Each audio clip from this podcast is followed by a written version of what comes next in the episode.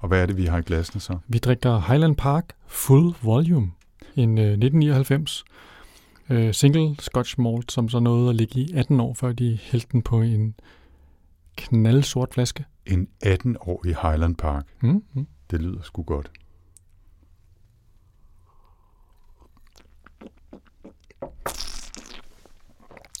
Ja, Den smager sgu meget god. det smager godt. Velkommen til Sci-Fi Snak. Med science fiction, Og med snak. med Jens Jarl Poder. Og Anders Høgh Nissen. Velkommen til.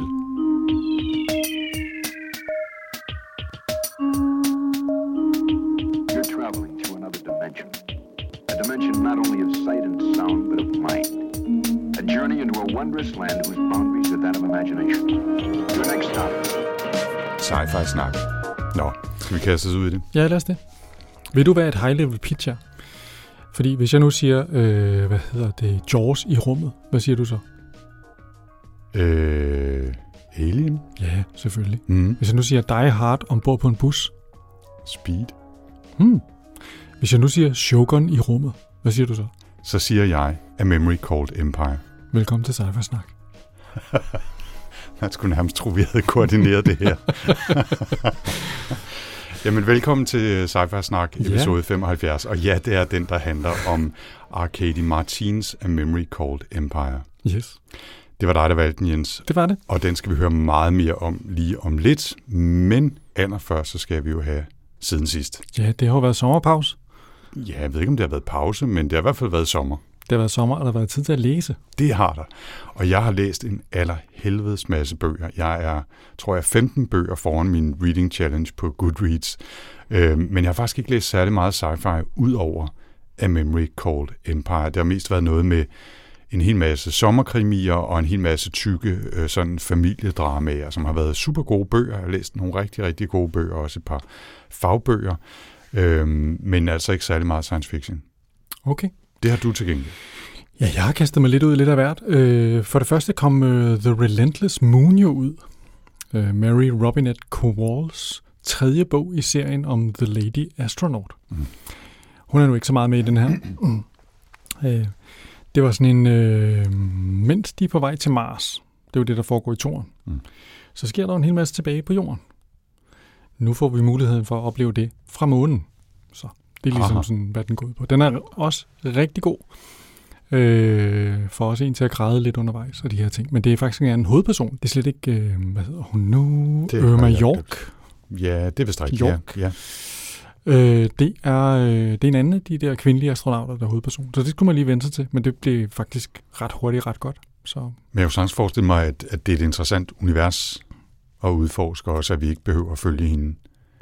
Ja, altså man kan sige, på et tidspunkt, så kan jeg måske godt begynde at være en lille... Altså det er jo meget interessant, det der mix af Mad Men og, hvad hedder det, øh, og science fiction. Det er jo, hvad det er, kan man sige, ikke? Mm. Øh, og nogle gange så bliver jeg lidt træt af de her ulighed på arbejdspladsen i, i 50'erne og 60'erne. Ikke? På den anden side er det jo en væsentlig historie, og jeg synes, det er super interessant med det her kvindelige perspektiv, som de her bøger jo konsekvent har. Ja. Så det, det er, den er rigtig god. Ja.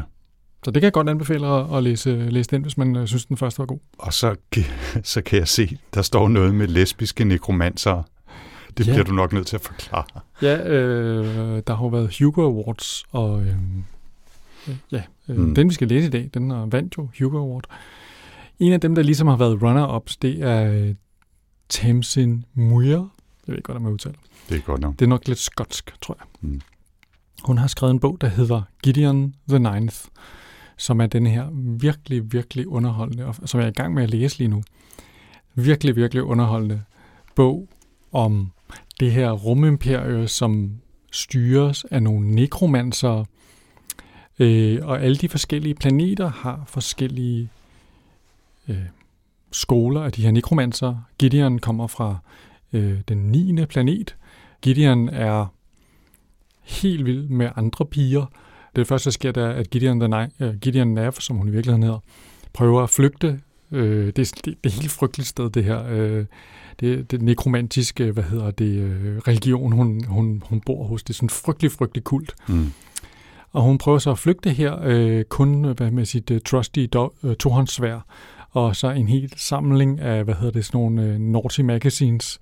Øh, det, og det der er simpelthen så godt skrevet. Det der, altså, og så udvikler den sig så til sådan en mysteriehistorie om, øh, hvordan de skal, de alle sammen bliver, kommer til den, en central planet, øh, til det første hus, øh, hvor de skal udfordres til nogle challenges og sådan noget. Den er mega fed. Jeg er okay. faktisk rigtig glad for den. Det lyder næsten lidt mere som fantasy end som science fiction. Ja, altså de flyver rundt i rumskibe og, og hvad hedder det, men okay. de har jo blandet, de blander noget, det er jo den der mærkelige genre der, hvor man får blandet noget magi og noget, og noget videnskab sammen. Ja. Det er altid, eller, eller noget sci-fi og noget magi sammen. Det, ja. det er jo, ja, det er altid lidt, øh, altså, hvad, hvad med, altså Nine Fox Gambit er jo også på mange måder en mærkelig bog, der har noget magi i sig. Klart. Så det er jo sådan, jo, ja, men klart. Altså, ja, men jeg skal heller ikke være den, der, jeg skal heller ikke være den, der trækker øh, øh, klare, øh, strenge grænser, men, øh, men det lød lidt mere som fantasy. Mm. Men, øh, men, men ja, hvis de rejser rundt på rumskibe og besøger fremmede planeter, så, så kører jeg den. Okay, det så er det også science fiction. Gudskelov. Så har du også set noget? Ja, uh, Umbrella Academy er jo kommet. Mm. Ikke nok med, at det er en fantastisk tegneserie, så er det også en ret god Netflix-serie. Men vi er også igen i sådan et grænsefelt mellem science fiction og, hvad hedder det, lidt superhelte og lidt ting. Så jeg skal heller ikke fortælle meget, men øh, hvis man godt kunne lide første sæson, så er anden sæson ja. mega fed. Jeg gik i gang med at se øh, første sæson, og tror jeg kom cirka 20-25 minutter ind i første afsnit, før jeg havde sådan lidt en fornemmelse af, at det måske ikke rigtig var noget for mig. Mm. Jeg, jeg tror egentlig, for jeg kendte ikke tegneserien. Jeg kunne bare se, at den var baseret på en tegneserie, og jeg havde hørt nogen snakke om det i en podcast. Tænkte, det lyder sgu meget sjovt det her. Nu prøver jeg lige at tjekke det ud. Sådan, sådan lidt, lidt, lidt, lidt underholdning med nogle sjove elementer osv. Og, og jeg tror måske, jeg havde forventet, at det var lidt mere øh, øh, The Rook-agtigt. Mm. Øh, og, og det kunne det også være, nu snakker vi om korte pitches før, jeg kan også godt se en stemning af noget The Rook-agtigt i ja. et kort pitch ja. af det her. Og, og, og jeg synes ikke, at jeg efter 20 minutter havde fornemmelsen af, at det sådan var oppe på det niveau. Mm. Øh, men det er selvfølgelig også svært at sammenligne de første 20 minutter af det første afsnit af en Netflix-serie, og så øh, en, en helt fantastisk bog, som, som man har læst det hele af. Ikke? Men, øh, men jeg har hørt så siden, at man helst skal give den et afsnit eller tre før man sådan for alvor skal vurdere, om det er noget for en. Så, så jeg overvejer lidt at, at, at gå hjem og fortsætte, og så se et par afsnit, se om den, den hænger sammen. Men mm. du har set hele sæson 1 og er gået i gang med toeren nu, eller? Ja, ja, og det eneste, der holder mig tilbage, det er, at min øh, datter Rosalina lige har startet gymnasiet, og har nærmest ikke tid til at se det sammen med mig, hvilket jeg synes er rigtig irriterende. Ja, helt ærligt. Kan Tag dig lige sammen, Rosa. Kan hun, ikke, kan hun ikke tage fri? I det mindste, jeg, jeg troede lige, du ville sige, at det eneste, der holdt dig tilbage fra at se videre, det var, at vi sad her. Men, øh, men så længe det er Rosalina, der, der er problemet, så er det okay. Mm. Nå, men det er da også noget, at, vi har, at du har lavet. Trods alt, jeg har bare læst en masse andre bøger. Mm. Men jeg har hentet, kan jeg lige sige, i dag har jeg hentet øh, en øh, Ian Banks, øh, sådan en selvstændig bog i culture-universet. Og jeg sparer jo lidt på min Ian Banks, ja, fordi ja. han døde jo for nogle år siden, og jeg har sådan lidt svært med tanken om på et tidspunkt at have læst alt, hvad han har lavet. Mm. Så jeg går lidt og sparer på dem, men man har også stadigvæk et par culture-bøger. Men nu har jeg altså hentet en mere, fordi ja, man skal have en i gang imellem. Jamen, jeg, det. jeg mangler en håndfuld konf- øh, culture-bøger, men det er rigtigt. Det er lidt ligesom at have nogle gode flasker vin liggende i kælderen, så man en gang imellem så tænker, nu er det nu, nu skal ja. vi læse den her. Ja, men man, man bæller dem ikke bare ned i, i, i et binge. Det gør man, det gør man altså. Så har der selvfølgelig også sket noget på, på Goodreads, i Sci-Fi Snak-gruppen på Goodreads. Her for øh, ja, et par dage siden i talende stund, der har der været en del aktivitet omkring bud på dansk science fiction. Ja, der er i gang med at samle en topliste inde på Goodreads-gruppen af, hvad det bedste danske science fiction er. Ja.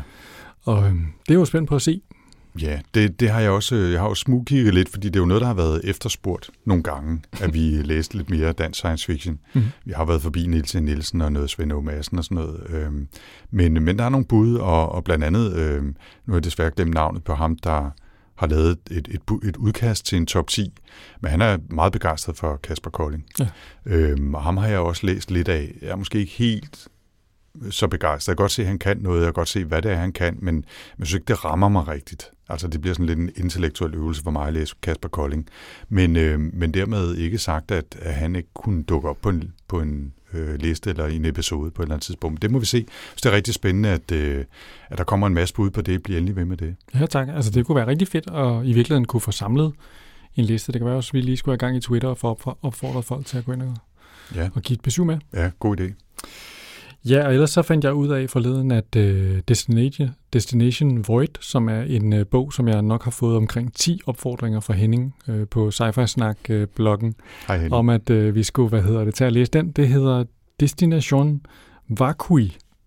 Det var nok ikke den rigtige latinske udtale, men det var ligesom i, uh, i sti, i the spirit af, hvad hedder det, den sidste bog, vi læste. Uh, hvad var nu den hed? Uh, Canticle for Leibowitz. Ja, vores uh, øh, katolske sci-fi-bog. Ja, hvor vi prøvede at tale latin. Ja, ja, det gik rigtig godt. Det gik rigtig godt, ja. Så har jeg lige en sidste ting, det er, det er nærmest, sådan, kan man, jeg ved ikke, man kalde det et public service announcement, øh, men jeg har en, en anden tidligere kollega, der hedder Henrik, øh, som også kommer fra DR, og øh, han skrev til mig forleden, øh, og nu, nu læser jeg op her, jeg har arvet et par hundrede science fiction bøger, hovedsageligt engelske paperbacks fra min far. Og Henrik han vil gerne beholde 50 af dem selv, eller sådan noget, som har en affektionsværdi, men vil gerne sælge eller give resten videre til nogen, som så øh, øh, helst jo skulle have lyst til at læse dem. Og øh, jeg, jeg er gået rimelig meget digitalt, og har ikke lige øh, øh plads eller overskud til, til en hel masse science fiction paperbacks derhjemme.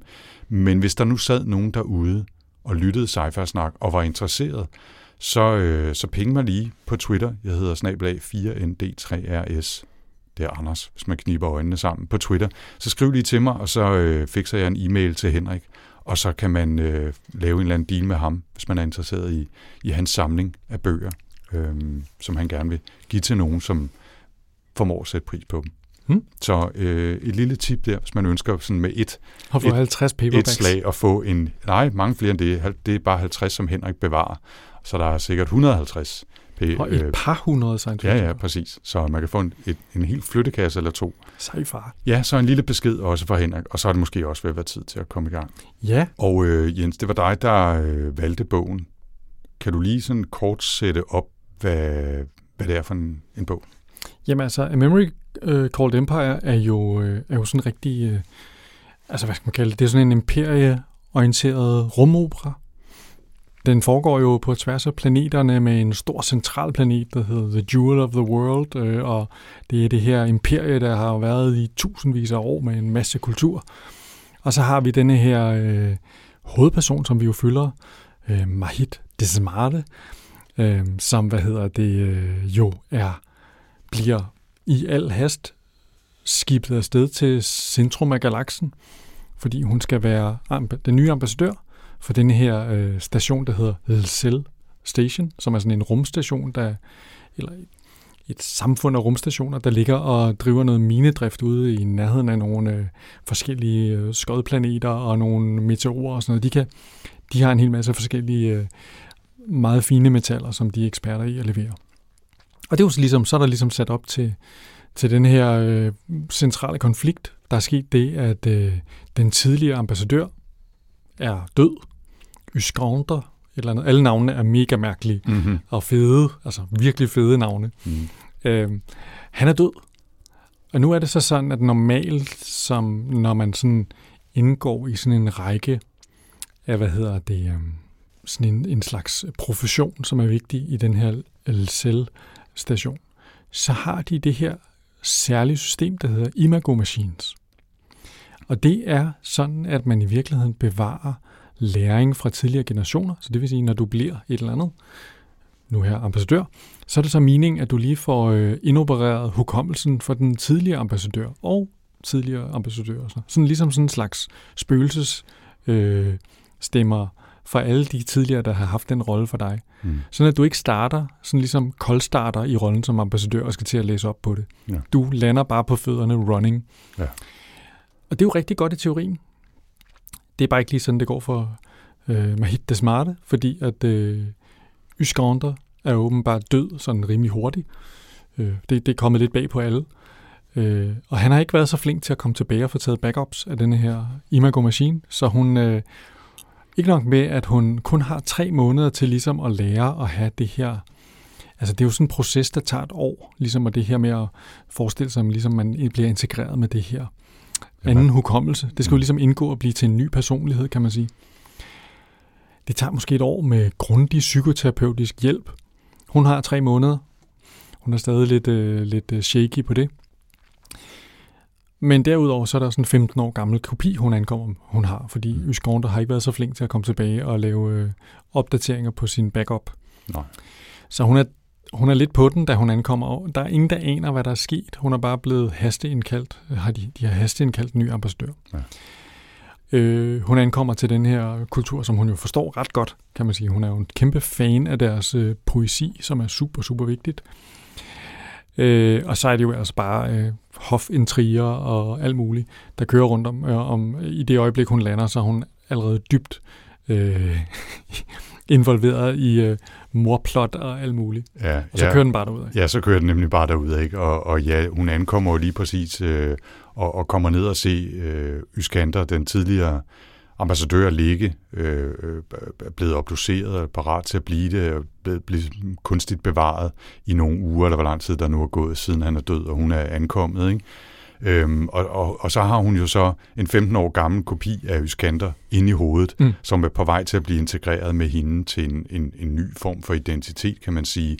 Men så går det jo hverken værre eller bedre, end at lige pludselig så mister hun kontakten til Yskander inde i hovedet, og så er hun pludselig for alvor på egen ben. Ja. Fordi så kan hun ikke trække på den øh, hukommelse og den erfaring og den viden, han har om Taxkalan og hovedstaden eller hovedplaneten, øh, The City, og, og hele deres kultur og alt, hvad han har været involveret i. Og det skal hun jo sådan set bruge for at kunne gøre sig forhåbninger om at finde ud af, hvordan pokker han død, øh, hvem er, er der nogen, der har slået ham ihjel, og hvem, og hvorfor.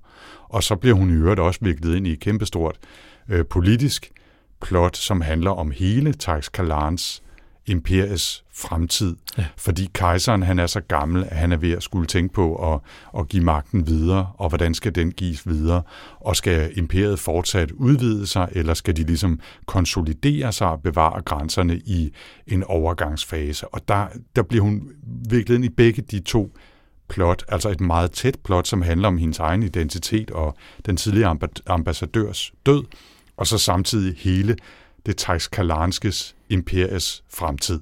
Mm. Så det, det er ikke små ting, hun lander i. Ej, Og fordi hun lige pludselig netop står på egen ben, så bliver hun jo også nødt til at klare den næsten selv, fordi hun har jo faktisk hjælp.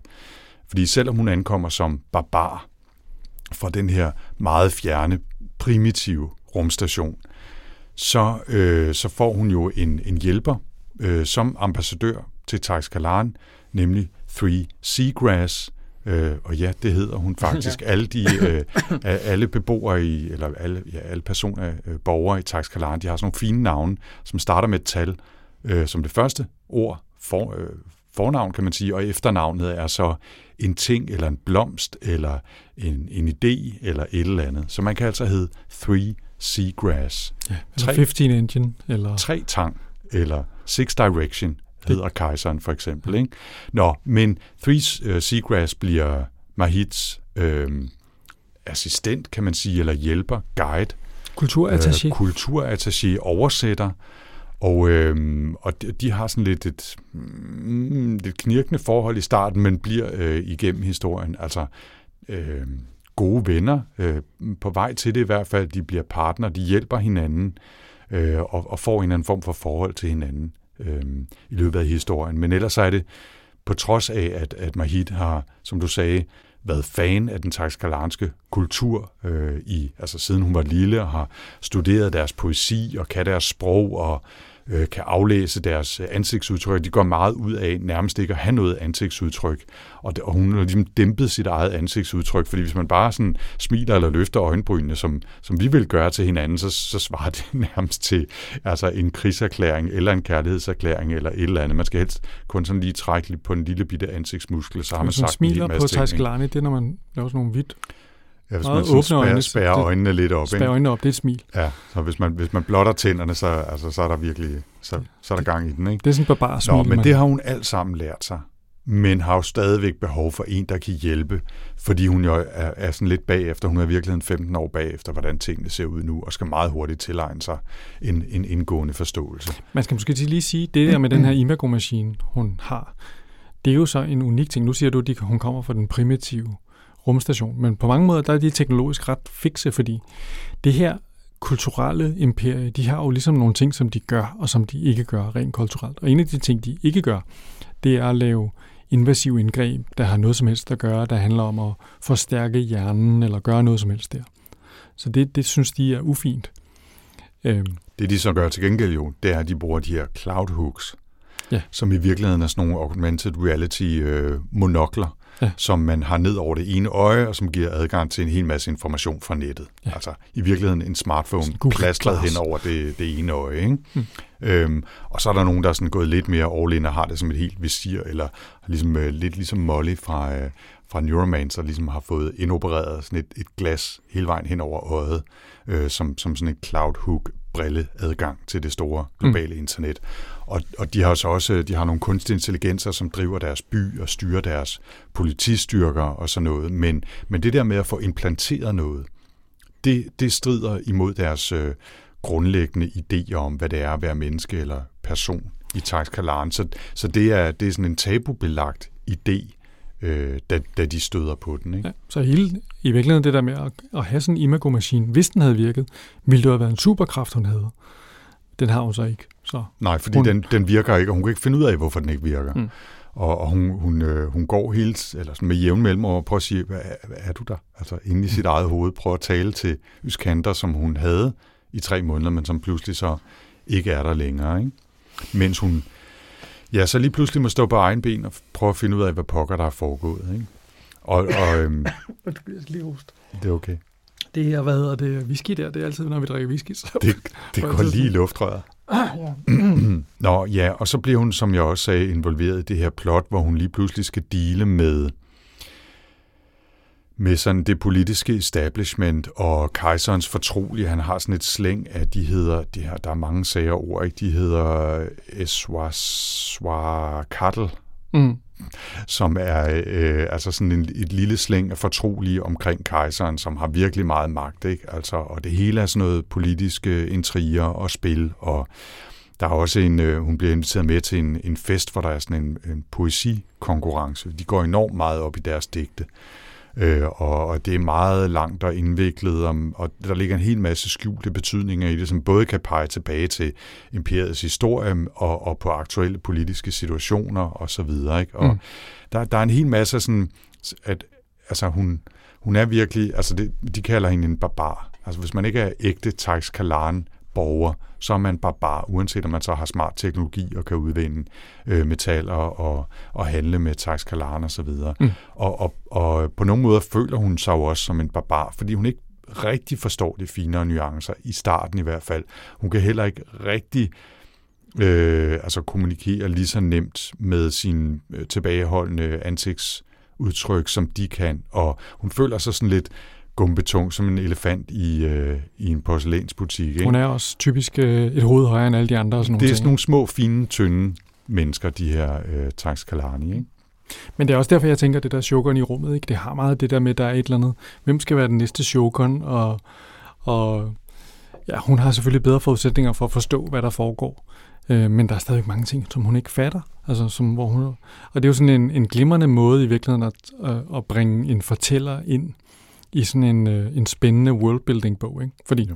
det synes jeg virkelig, det her det er. Jeg synes, at, øh, at den her bog, den kan virkelig noget i forhold til at fortælle spændende historier om, hvordan den her kultur er. Normalt, så hvis det bare er sådan en worldbuilding for worldbuildings skyld, så kan man godt blive en lille smule træt.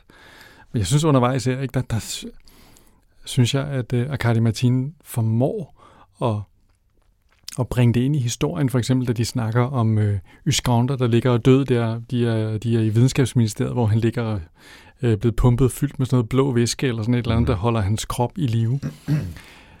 Så snakker de om, øh, jamen øh, her i, øh, der, det er jo meget normalt, at man ligesom bevarer læmet øh, for evigt. Altså de har jo sådan en idé om, i deres kultur, om at tingene skal bare bevares og blive ved med at være og sådan noget. Øh, men altså på El der, der vil man jo øh, sige sådan, hvad gør I der? Jamen der brænder vi. Og så har vi en, øh, en smuk ceremoni, hvor vi spiser asken. Og hun bare så tænker, okay, og der tog den lige videre. Ja. Altså, der er mange sådan nogle, men, men det hænger jo fantastisk sammen med den der måde, de også indoptager deres døde ind i deres egen personlighed. Mm.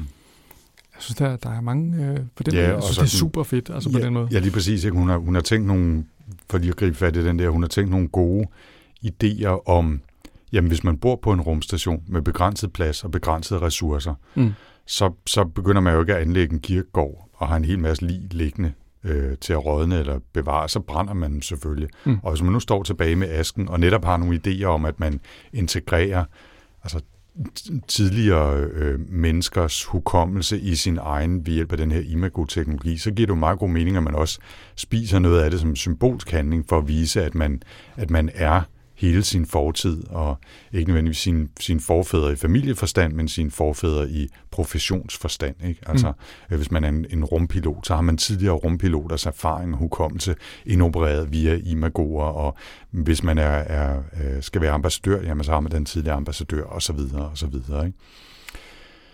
Der, der, kører jo, øh, ja, der kører en hel masse politisk spil øh, i Thijs Kalan, som, som øh, Mahid øh, havner midt i, men der kører jo også øh, noget med forholdet mellem Elsel rumstationen, hvor hun kommer fra, som er blevet som har opdaget, at der er nogle andre fremmede for uden for Taxkalan-imperiet, som, som lige pludselig er dukket op. Og hvad skal der ske i spillet med det? Skal de indoptages i Taiskalan? Skal de bevare deres relativ uafhængighed? Og så videre, og så videre.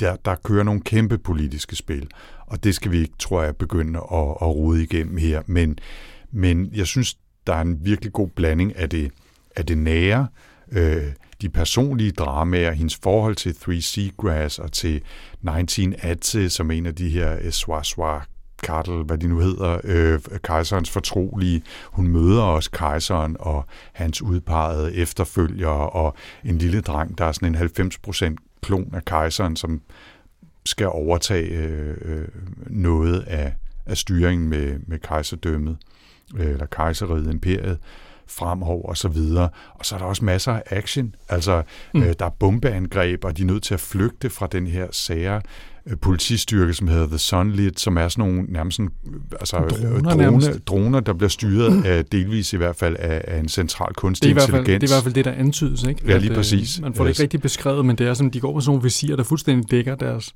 øjne, og så virker det som om en gang med, at de alle sammen lige får downloadet et eller andet, og så Ja, gør de alle sammen, og de står og taler i kor og alle sådan sammen noget. på samme tid. Og Ja, sådan. lige præcis. Øh, og, og, og der, der er sådan en super fin blanding af ja, altså den helt store politiske scene øh, på, på altså galaktisk niveau, ikke? og så helt ned til de små personlige dramaer, og øh, hvordan hun øh, ja, nærmest bliver forelsket i Three Seagrass, og hendes sådan fine, øh, hendes fine øh, ageren, og hendes poe- poetiske kunde, og så videre, og så videre. Jeg synes, det, det, er- det er et ret godt spænd og en fantastisk worldbuilding. Mm.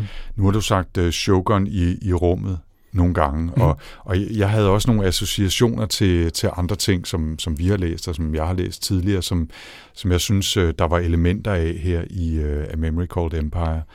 Um, jeg synes, der er nogle mindelser om Culture-serien, ja. altså den der idé om et, et galaktisk imperium, som er lidt vildt, og som, som både er øh, fantastisk udviklet, men også dekadent og, og øh, ved at gå i hundene sine steder, og har udviklet nogle mærkelige traditioner for ting, som ikke giver mening længere, og som har et lidt, lidt sært forhold til, til planeter eller civilisationer, som ligger lidt i yderkanten af deres øh, rige og så videre. Ikke? Så, mm. så hele Culture-serien, så synes jeg også, der var nogle elementer af Ancillary øh, serien. Jeg ved ikke helt for- hvorfor, men der var sådan øh, en fornemmelse af det der med, at man følger en, som lidt lige pludselig står på egne ben, øh, efter egentlig skulle have haft et, et kæmpestort backup støttesystem, så lige pludselig står på egen ben midt i et eller andet kæmpestort, både politisk og, øh, og hvad kan man sige, interpersonelt øh, plot. Ja, altså der min hjerne, der burde være en Mm. del af et netværk. Der var sådan en del te-ceremoni i, hvad hedder det, Ancillary Justice. det er faktisk rigtigt, ja. det er der også her. Øhm, så jeg tror ikke, du har læst den serie, der hedder Infomocracy, vel? Ikke endnu, ikke øhm, en trilogi, som jeg øh, faktisk læste den hele af, øh, skal jeg lige sige. Oh, no. øhm, som, som også handler rigtig meget om politik, øh, om, om politiske plots og, og så videre, så ganske vist kun på, på planetniveau på jorden øh, i, en, i en fremtidsversion der, men, men hele det der med, med, med altså, øh, sci-fi politiske spil, det, det synes jeg er, er en kæmpe stor del af det her også, som jeg synes fungerer rigtig godt. Og så den sidste, jeg kom til at tænke på, har du også nævnt tidligere allerede i dag, nemlig Nine Fox Gambit, Mm.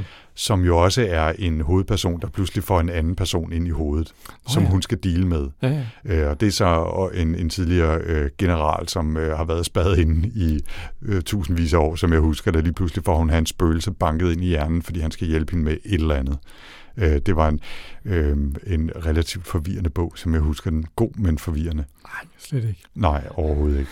Den er øhm, nok toppen af uigennemskuelige bøger, jeg nogensinde har læst. Ja, det var godt nok, det var godt nok crazy. Men der er nogle elementer af det her, øh, fordi der er den der imago-teknologi. Ikke? Men jeg synes, den her er... Altså, den er meget lige til at læse på en eller anden måde. Ikke? Ja. Og, og uden at det bliver... Kender du udtrykket, as you know, Bob? Nej. Det er, øh, hvis man, hvis man øh, har lavet en film, ikke har man lavet en film, og man gerne vil fortælle noget til publikum, men ikke, men ikke øh, rigtig kan finde ud af, hvordan man bare integrerer det i, i filmens egen fortælling. Så får man en eller anden mand til at sige til en anden mand noget, som de begge to godt ved, men som man er nødt til at sige, for at seeren ved det. Så har man de der situationer, hvor en eller anden videnskabsmand til, siger til en anden videns- videnskabsmand, well, as you know, Bob, uh, a particle accelerator, bla bla bla bla, ikke? og de ved det godt begge to, men de er nødt til at sige det, for at seeren Mm. ved det. Jeg synes, at der er meget, meget lidt as you know, Bob, Mm. i denne her. Selvom der er virkelig mange ting, der skal forklares, så bliver det integreret virkelig godt i historien. Og så var der lige de der steder, hvor jeg var kommet dertil, hvor jeg tænkte, hvordan er det nu lige det her politiske plot hænger sammen? Hvordan er det kejseren og hans fortrolige og de der oprørere, som udfordrer hans magt? Hvordan pokker er det nu lige, det hænger sammen? Og så lykkedes det alligevel nærmest som bestilt at få hende for, øh, for hende at få det forklaret som en integreret del af historien, øh, som jeg synes var virkelig, øh, virkelig imponerende. Ja. Jeg synes, den var tilpas kompliceret eller kompleks, og ikke særlig meget mere. Man havde ikke den der, altså jeg vil sige, da jeg læste Nine Fox Gambit, måske også en del af at komme i gang med Ancillary Justice, der har man den der første to kapitler, hvor man bare sidder og tænker, jeg fatter hat af det her. Men okay, nu kører vi bare på. Sådan er det jo også, hvis man læser det der Gideon the Ninth, som jeg er i gang med at læse lige nu. Det er også bare sådan den første del, der tænker man bare, jeg fatter slet ikke, hvad fanden er det, hvad det er for noget. Ja. Øhm, og øh, det synes jeg nemlig heller ikke var, var det store problem i den her i virkeligheden. Nej, taget betragtning af, hvor, hvor komplekst og stort og, øhm, og fuldbyrdet et univers, hun maler. Mm. Øhm, men, men en kultur, et kæmpe rejse, øh, hvad hedder det, et kejserige og så videre, jeg synes egentlig, det lykkes ret godt, at vi kommer med Mahid ind i det på en måde, så det bliver forklaret, hvad der er, der foregår. Mm. Og så er det måske også, fordi det minder om så mange andre ting, at man måske nemmere kan forstå det. Ikke? Det minder om culture, det minder om nogle andre ting. Jamen, jeg tror, Øh, det måske var der, hvor jeg synes, at jeg...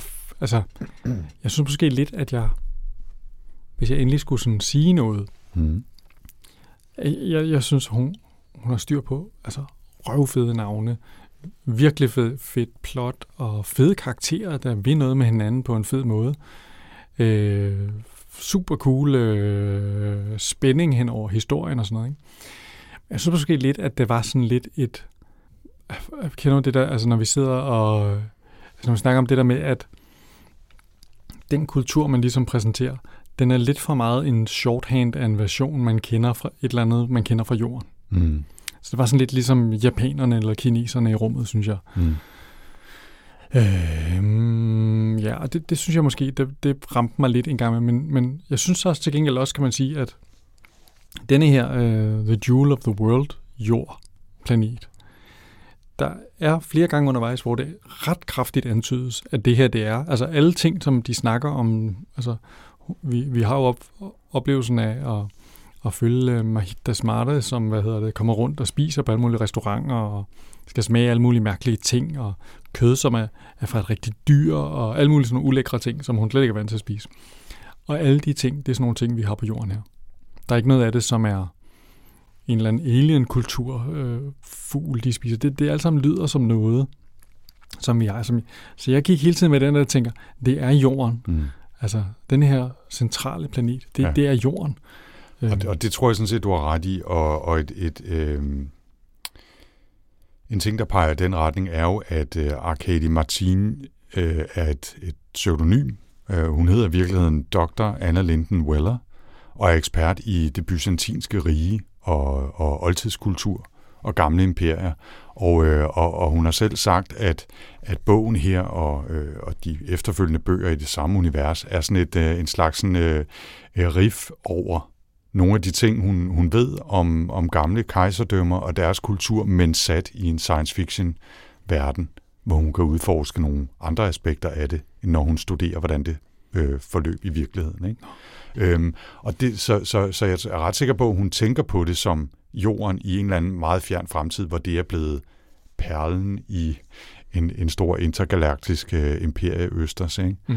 Øhm, hvilket i øvrigt minder mig om, at, at en, en, en anden reference er jo til Foundation-serien. Om det, øh, det, det, det tænker jeg lige, da du siger det der, ikke? for den er jo bygget netop på sådan en, der hedder The Fall of the Roman Empire, eller sådan mm. et eller andet, sådan en stor bogserie. Ja, Rise and Fall of the Roman Empire. Ja. ja. Øhm, så så jeg, jeg er helt sikker på, at det, det, er, at det er forbilledet, ikke? Og, ja. det, og det er også, som du siger, øh, altså, de spiser, øh, de spiser køer og drikker mælk, ikke? Mm. Altså, øh, og det er så helt, helt fremmed for en, der kommer fra en rumstation og, ja. og spiser små øh, kaloriepakker, ikke? Øh, formodentlig til hverdag. Øhm, ja, så fik vi lige nævnt øh, Arcady der. Øh, der er en toer på vej. Den kommer desværre først til marts næste år. Men øh, der er en, det, det bliver en serie, og, og det tror jeg også, fordi vi er kommet med på første sal her, ikke? Øh, så kunne jeg godt forestille mig, at det var en serie, jeg skulle læse mere af. Mm. Jeg kunne godt tænke mig at læse toren i hvert fald. Ja, det tænker jeg da også umiddelbart. Ja. Skal vi prøve at give den en, øh, en rating? Ja. Så skal jeg være en lille smule fedtet, men jeg synes, det var en, en, en rigtig, rigtig fed læseoplevelse. Jeg var både rørt og, øh, og øh, overrasket og øh, læste den meget hurtigt også. Nu var der også sommerferie, så der var masser af tid til at sidde i en solstol og, og hygge sig med det. Mm.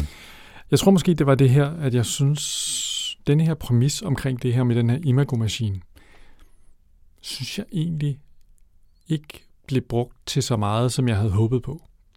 Altså stor del af, det er jo som om, hun har fået den her gode idé, og så er det som om alligevel et stor del af bogen, der er den alligevel gået lidt i stykker. Og så lykkedes det han alligevel at få, få den til at virke i en periode, efter at hun har hun gør noget, som basically man tænker, det burde bare ikke virke det der. Øhm, så, men altså, givet den fire stjerner, fordi jeg synes virkelig, den var god. Mm. Men det er måske også, fordi jeg synes, jeg, jeg sagde jo, da jeg, jeg valgte den, der var jeg sådan lidt, det her var blevet sammenlignet med Ancillary Justice og og hvad hedder det, Nine Fox Gambit-serien, som jo havde den der svære at komme i gang med øh, ting, som jeg på mange måder nogle gange synes er lidt, det er jo lidt fedt også, ikke? Mm. Altså, når, når, når man sådan sidder der og tænker, hvad fanden foregår der? Altså, det kan også være lidt fedt. Det kan sådan være sådan lidt nydelse på en eller anden måde i sig selv, ja. at man skal sidde og arbejde lidt for det.